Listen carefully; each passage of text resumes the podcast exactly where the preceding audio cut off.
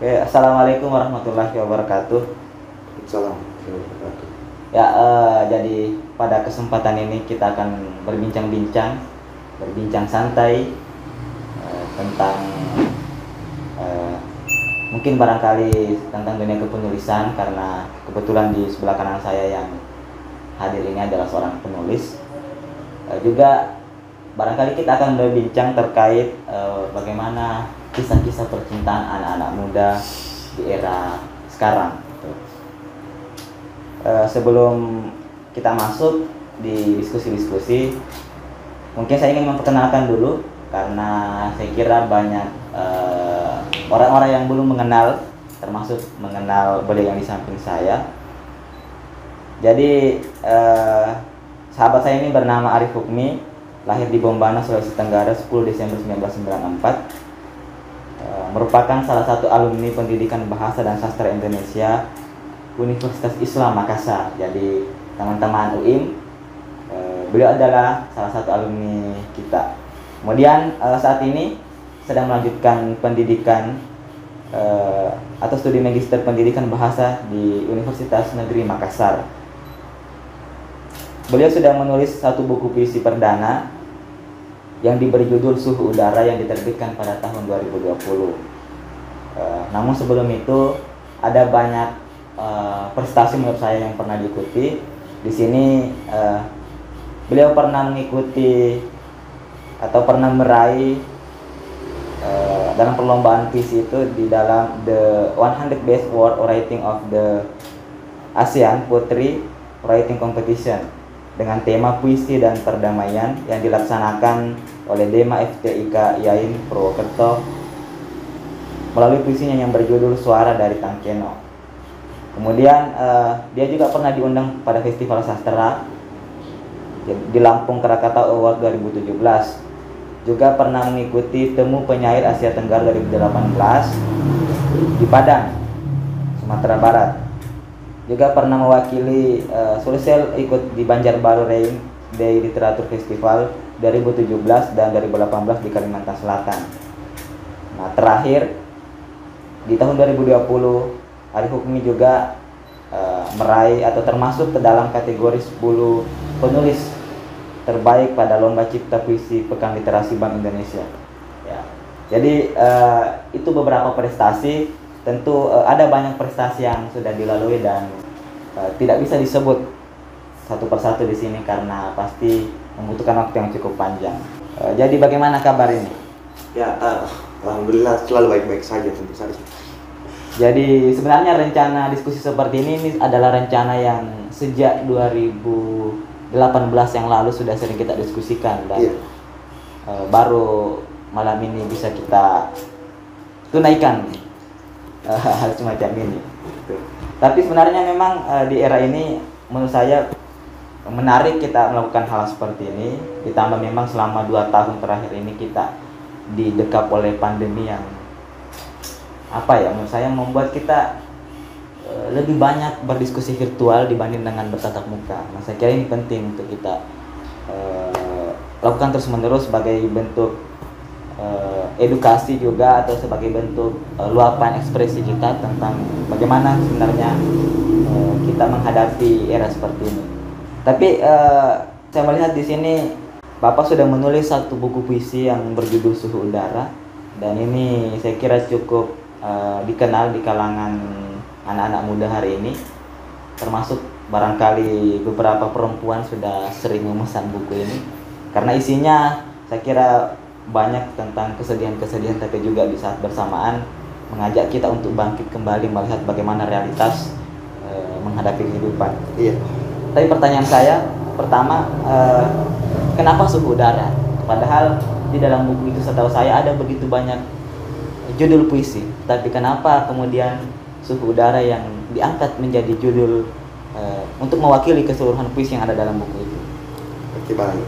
Jadi eh, sebelum saya menjawab pertanyaan itu kenapa memilih suhu udara untuk dijadikan sebuah judul buku puisi misalkan, jadi saya ingin bercerita perihal perjalanan dari buku puisi ini sebenarnya. Jadi pada tahun 2015 sampai 2020 itu adalah eh, puisi-puisi yang pernah saya tulis saya kurasi dan saya baca beberapa saya edit kemudian saya kumpulkan menjadi sebuah buku kumpulan puisi. Dalam hal ini suhu udara. Nah puisi-puisi di dalamnya itu adalah merekam ingatan saya terhadap Makassar terhadap sahabat saya terhadap orang-orang yang pernah saya temui eh, tempat-tempat yang pernah saya kunjungi dan seterusnya. Nah kenapa kemudian saya memilih suhu udara?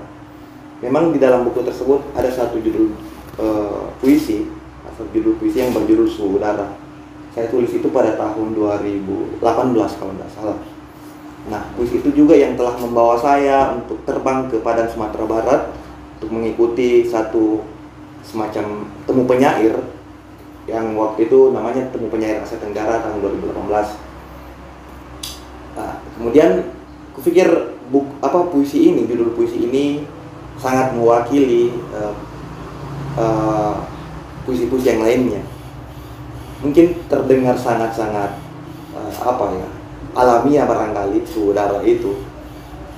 Tapi pada dasarnya memang di dalamnya bercerita tentang itu tadi manusia tentang bagaimana perilaku masyarakat kota terhadap uh, sesuatu terhadap orang-orang lain misalkan.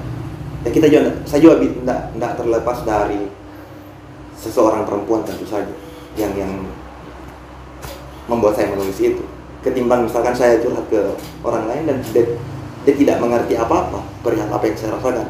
Sekian demikian. Sejauh ini. Iya artinya uh, makanya yang saya yang saya sebut tadi bahwa uh, di dalam proses itu dalam perjalanan menulis itu tentu saja ada banyak hal yang menjadi faktor. Iya. Salah satunya tadi misalnya ada seorang perempuan yang kemudian dijadikan uh, inspirasi ceritanya. Iya. Karena uh, seperti seperti kita sering dengar biasanya memang orang-orang menyebut kita kita ini yang suka menulis itu adalah orang-orang yang gemar patah hati sebetulnya. Iya. Karena kalau mengingat Gus Dur, Gus Dur pernah mengatakan bahwa uh, jika kalian hendak menjadi seorang penulis yang hebat maka patah hatilah dulu. Patah hatilah berkali-kali. berkali-kali gitu. Sehingga memang di suhu udara ini uh, sebenarnya kita banyak menemukan eh, hal-hal semacam itu ya. ya mencoba mengajak kita untuk memikirkan kembali ada apa sebenarnya dengan diri kita.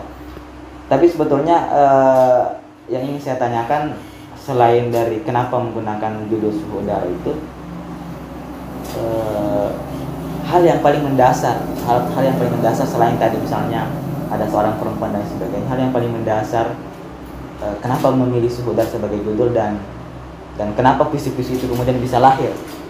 Kira-kira uh, dari perjalanan selama 2000 berapa 15. 15 sampai tahun 2020 itu kira-kira hal-hal hal yang paling berkesan sehingga dijadikan inspirasi untuk menulis itu kira-kira apa? Ya uh, beberapa musik dalamnya itu sudah saya kirim ke beberapa media kemudian diterbitkan.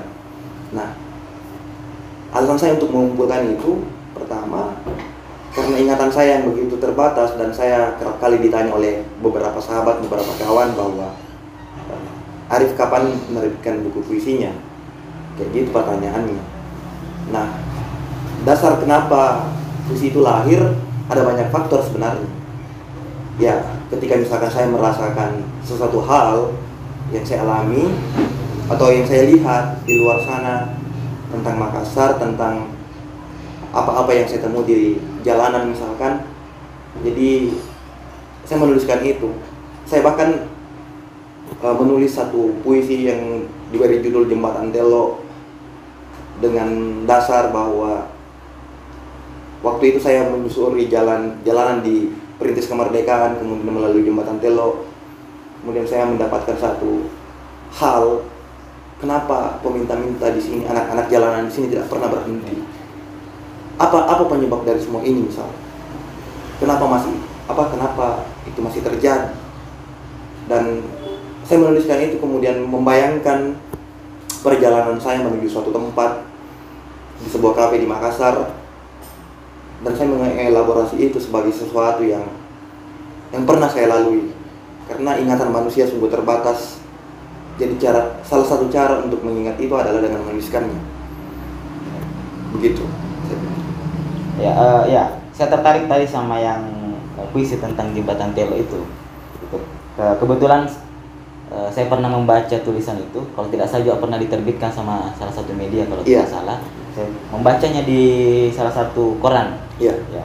Dan itu memang cukup menarik eh, isinya.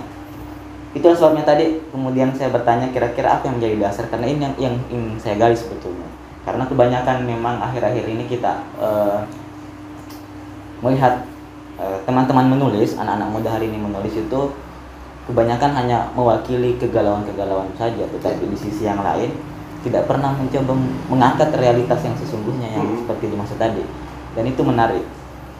Misalnya bagaimana menceritakan anak-anak di Telo sana. Saya juga pernah menulis satu Hmm. tulisan tentang bagaimana peminta-minta yang berada di sana. Eh, Kemudian saya melihat seorang perempuan yang mungkin usianya sedikit eh, tua menggunakan payung berwarna hitam, sarung di dikalungkan di lehernya, kemudian dia membawa anaknya untuk meminta-minta. Iya. Sangat-sangat sulit sekali sebenarnya. Itu yang yang saya maksud. Gitu. Eh, tapi eh, setelah suhu darah ini apakah ada rencana lagi untuk menulis Eh, dan kira-kira kalau misalnya menulis kembali apakah isinya tetap random terserah apa yang bisa kita tulis atau nanti akan fokus sama satu kasus gitu. sepertinya menarik kita buat tulisan seperti itu misalnya mis- memilih seperti yang eh, temanya jalan yang Telo itu misalnya satu kumpulan buku puisi semua berisi tentang realitas atau kasus yang kita hadapi di Makassar misalnya. Kira-kira apa ada rencana seperti itu atau sejauh ini setelah suhu udara kira-kira apa lagi selain menempuh pendidikan menyelesaikan studi pendidikan magister ini? Ya, jadi eh, ada naskah saya yang sekarang. Naskah sebenarnya di disusun dari 2021 kemarin. Mas buku apa? Manuskrip puisi. Judulnya itu Sebelum Cahaya. Eh, bukan sebelum bukan sebelum cahaya, sebuah cahaya. Di masa-masa pandemi itu saya salah saya menemukan satu hal yang baru. Karena berangkat juga dari pengalaman saya selama perkuliahan beberapa semester, jadi saya bertegur sapa dengan kawan-kawan saya, dengan dosen saya dan sebagainya melalui eh, dari satu link ke link yang lain, dari satu tautan ke tautan yang lain, dari satu layar ke la- layar yang lain. Jadi saya membayangkan waktu itu saya tidak akan pernah begitu hangat dengan kawan-kawan sekelas saya karena kita hanya bertemu atau berinteraksi secara virtual. Nah saya menulis beberapa perihal itu juga, kemudian eh, saya juga menulis eh, di sebuah cahaya judulnya itu sebuah cahaya saya terinspirasi oleh satu perempuan yang entah kenapa masih selalu mengganggu diri saya sampai sekarang. Dia kadang-kadang menjadi cahaya untuk diri saya tapi dia juga kadang-kadang menjadi sebuah kegelapan untuk diri saya pada satu hal. Ya lagi-lagi perempuan. Lagi-lagi perempuan. Karena kita jujur saja kita tidak bisa lepas dari sesuatu makhluk bernama perempuan itu. Tapi tidak melulu tidak melulu menceritakannya hanya sebatas dalam satu konteks saja tentu saja ya jadi jadi seperti itu ya lagi-lagi perempuan gitu. jadi eh, sahabat saya ini memang akhir-akhir ini sedang berusaha menyelesaikan dirinya sendiri gitu. maksudnya menyelesaikan dirinya sendiri adalah mencoba kembali beradaptasi bagaimana melewati masa-masa sulit dengan seseorang dan saya tahu pasti itu seperti apa rasanya gitu. dan kita kembali dulu ke sebelum kita lebih lanjut menggali kira-kira eh, bagaimana sejauh ini perempuan itu mempengaruhi kehidupan kita saya masih tertarik gitu, soal eh, dunia menulis menulis ini di suhu udara itu kan selain tadi berbicara soal misalnya ada yang yang tentang kualitas bagaimana peminta-minta di Jembatan Telo kalau saya tidak salah juga ada yang dituliskan isinya tentang bagaimana perjalanan dari kampung halaman menuju Makassar. Iya. Itu eh, bisa mungkin diceritakan eh, kenapa kemudian tulisan itu, itu bisa lahir. Saya juga saya juga cukup tertarik sama puisi itu. Ya jadi kampung halaman saya kan mesti melalui lautan untuk sampai ke sana. Atau kalau paling tidak ketika misalkan saya dari Bombana untuk menuju Makassar saya mesti melalui Teluk Bone. Nah untuk melalui itu tentu saja mau menggunakan kapal feri untuk sampai ke Makassar.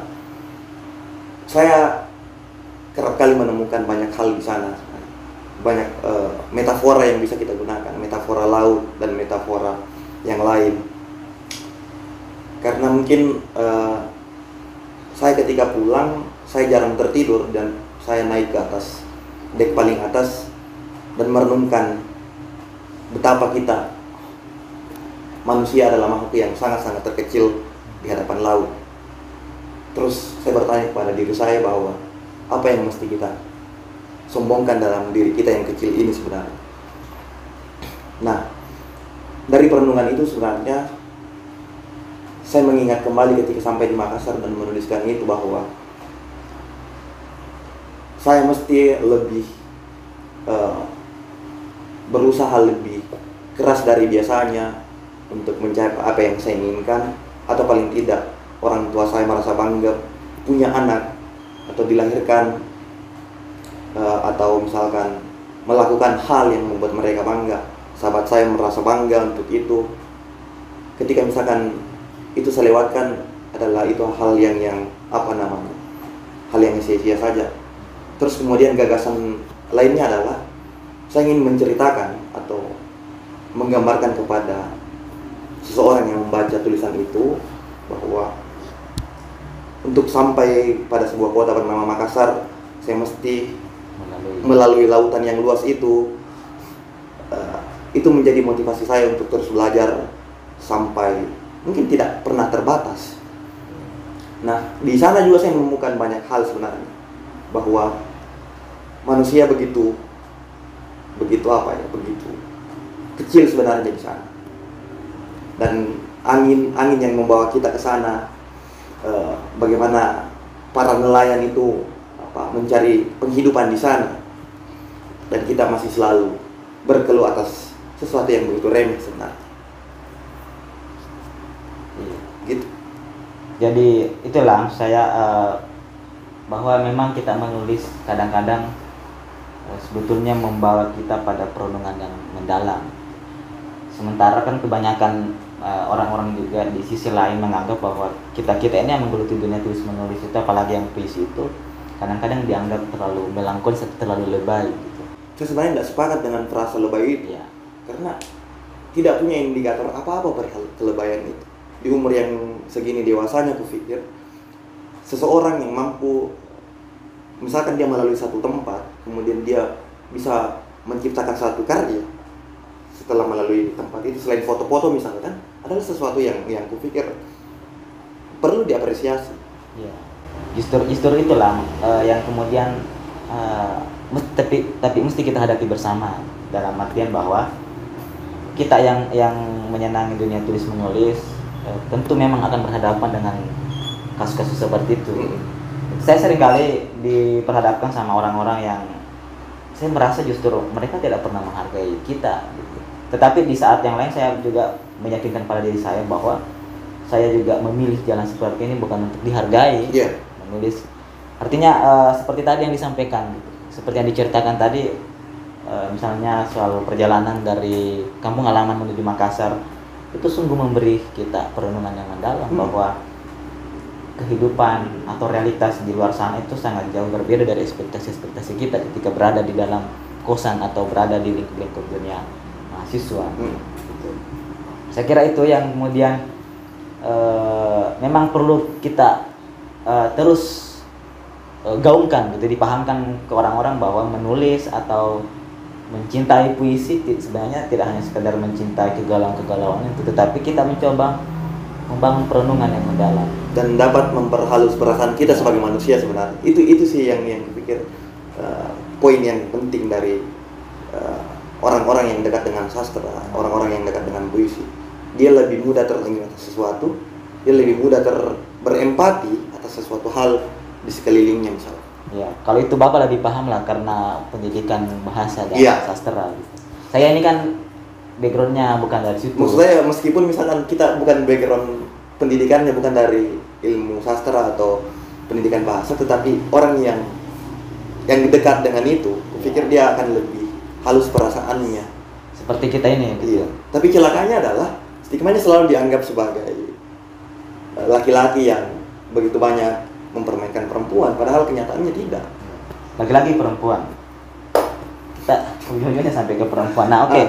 kalau seperti itu eh, tadi kita sudah banyak berdiskusi tentang eh, bagaimana suhu udara itu lahir dan beberapa puisi sudah dikupas tadi misalnya soal bagaimana eh, suhu udara dijadikan sebagai judul buku. Kemudian tadi soal puisi di yang Jembatan Telo. jembatan Telo itu. Kemudian juga puisi yang bercerita tentang bagaimana perjalanan eh, seorang penulis ini dari kampung halaman ke Makassar.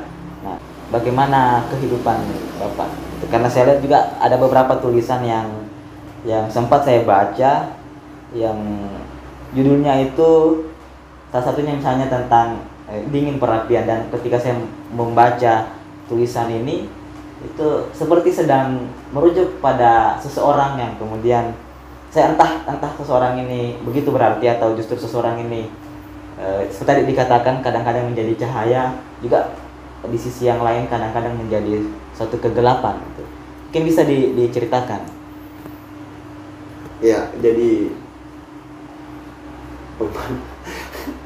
jadi eh, sebenarnya saya telah lama mengenal perempuan yang yang yang saya maksud dalam puisi dingin perapian itu sudah 2019 akhir di UIM ternyata menurut pengakuannya dia selalu memerhatikan saya membawa buku dan membaca buku di kantin waktu itu waktu, masih kuliah di S1 itu di UIM nah, lambat laun seiring berjalannya waktu saya bertegur sapa di Instagram dan berpindah ke WhatsApp dan seterusnya nah pada waktu itu pada waktu itu saya juga masih memiliki pacar Nah, tentu saja saya terbatas untuk berinteraksi dengannya dan seterusnya. Nah, setelah saya selesai dengan perempuan ini, akhirnya saya lebih banyak berinteraksi dengannya sampai beberapa bulan yang terakhir ini. Seperti yang saya bilang tadi, dia kadang-kadang menjadi cahaya untuk saya, tapi kadang-kadang dia menjadi gelap untuk saya. Ketika dia menjadi cahaya, dia begitu. Menarik, maksudnya apa yang saya bayangkan perihal masa depan apa yang apa yang saya bayangkan perihal masa depan itu sama dengan bayangannya dia. Jadi kami berdua sebenarnya nyambung dalam dalam banyak hal sebenarnya.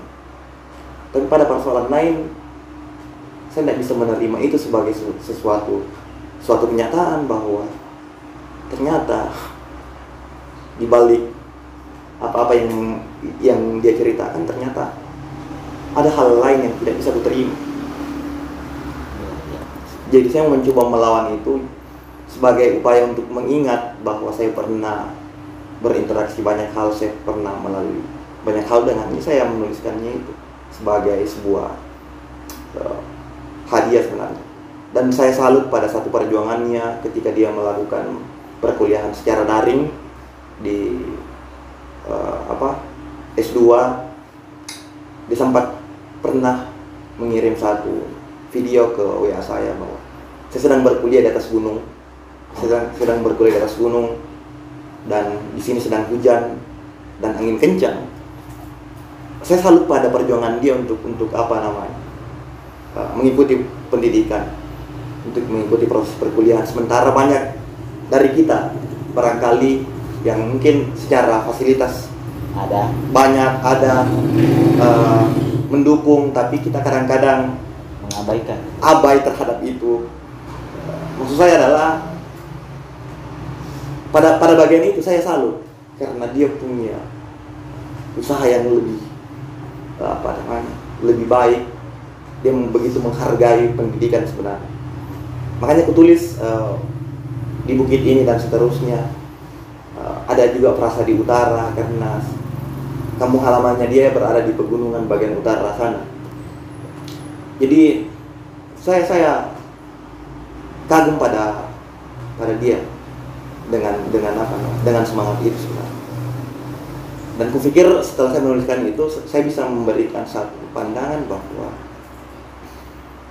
tidak ada sebenarnya perjuangan yang yang apa tidak tidak ada hal yang bisa membatasi kita entah itu fasilitas dan seterusnya karena kupikir saya eh, saya juga barangkali lahir dan tumbuh dari sebuah desa yang terpencil, yang jauh dari toko buku, perpustakaan dan seterusnya.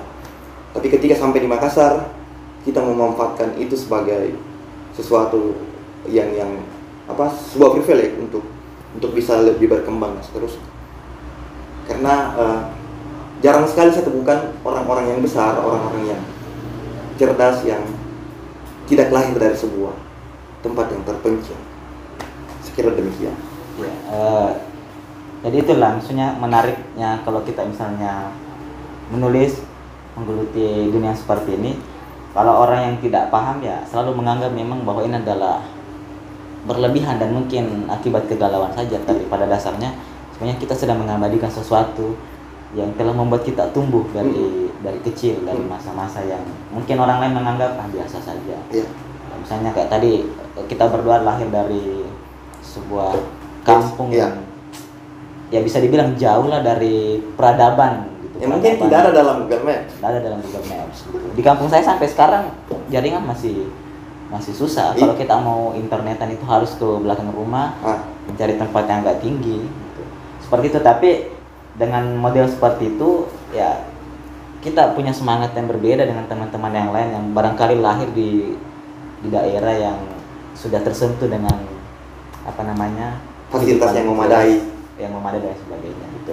Dan itu tadi jadi bercerita di puisi yang dingin perapian itu tidak hanya bercerita tentang kegalauan terhadap se- seseorang, tapi juga bagaimana mengapresiasi perjuangan dia pada saat ingin berkuliah gitu. Iya. Nah, saya kira ini ini ini memang menjadi poin penting dalam artian bahwa sebagai penulis atau kita kita ini yang menggeluti dunia kepenulisan harusnya selalu mampu memberikan poin penting dalam setiap tulisan. Kalau- Ada gagasan yang ingin disampaikan. ya ada gagasan gitu. Nah, saya kira memang pembahasan kita ini tadi random sekali ya. Memang kita membuka dengan suku darat, tapi pada akhirnya nanti kita berbicara soal bagaimana kehidupan kita di akhir-akhir. Tapi saya kira ini eh, bisa menjadi gambaran untuk eh, teman-teman, untuk kita berdua tentu saja untuk terus melanjutkan eh, hal-hal baik semacam ini. Iya. Eh, saya menunggu kabar baik buku selanjutnya yang tadi yang apa sebuah cahaya Iya. semoga segera lahir menjadi satu buku yang bisa kita nikmati Eh, saya juga sedang menyusun satu manuskrip tapi judulnya nanti kita masih rahasiakan supaya bisa menjadi surprise Iya, bagi betul. bagi eh, orang-orang yang masih mau menikmati tulisan anak-anak muda seperti kita ini gitu. Nah, eh, saya kira sebelum kita mengakhiri eh, diskusi yang tidak terarah ini, saya pikir ini adalah diskusi yang yang sangat kacau, tapi nanti kita bisa memetik eh, poin-poinnya karena menurut saya orang-orang yang cerdas, orang-orang yang hebat adalah orang-orang yang selalu mampu menarik poin penting dalam setiap pembahasan gitu. Jadi tergantung nanti teman-teman bagaimana menyaksikan ini. Nah, mungkin bisa dibacakan satu puisi yang ada di dalam buku saudara sebagai penutup eh, diskusi kita pada hari ini. Oke. Mungkin bisa dibaca suhu udara atau mungkin eh, apa tentang Apa itu? Jembatan Telo juga tadi saya tertarik itu atau mungkin tentang bagaimana perjalanan dari kampung halaman menuju kota Makassar. Jadi mungkin saya bacakan saja yang eh, suku udara saja yang Ya, karena memang itu supaya paling tidak tidak ti- tidak lagi teman-teman penasaran sebenarnya apa apa sebenarnya yang ingin disampaikan pada satu judul. Jadi nanti yang, yang yang misalnya yang menginginkan bukunya bisa dibeli ya. Nanti di linknya dicantumkan saja. ya Li- Link link untuk pesan bukunya. suhu udara. Kau udara yang bersembunyi di kaki gunung, Marapi, Singgalang, Tandike, mendekap seluruh tubuh, seluruh ingin dan enggan. Aku hutan sabana yang ditolak hewan-hewan melata, yang berbisa dan bias.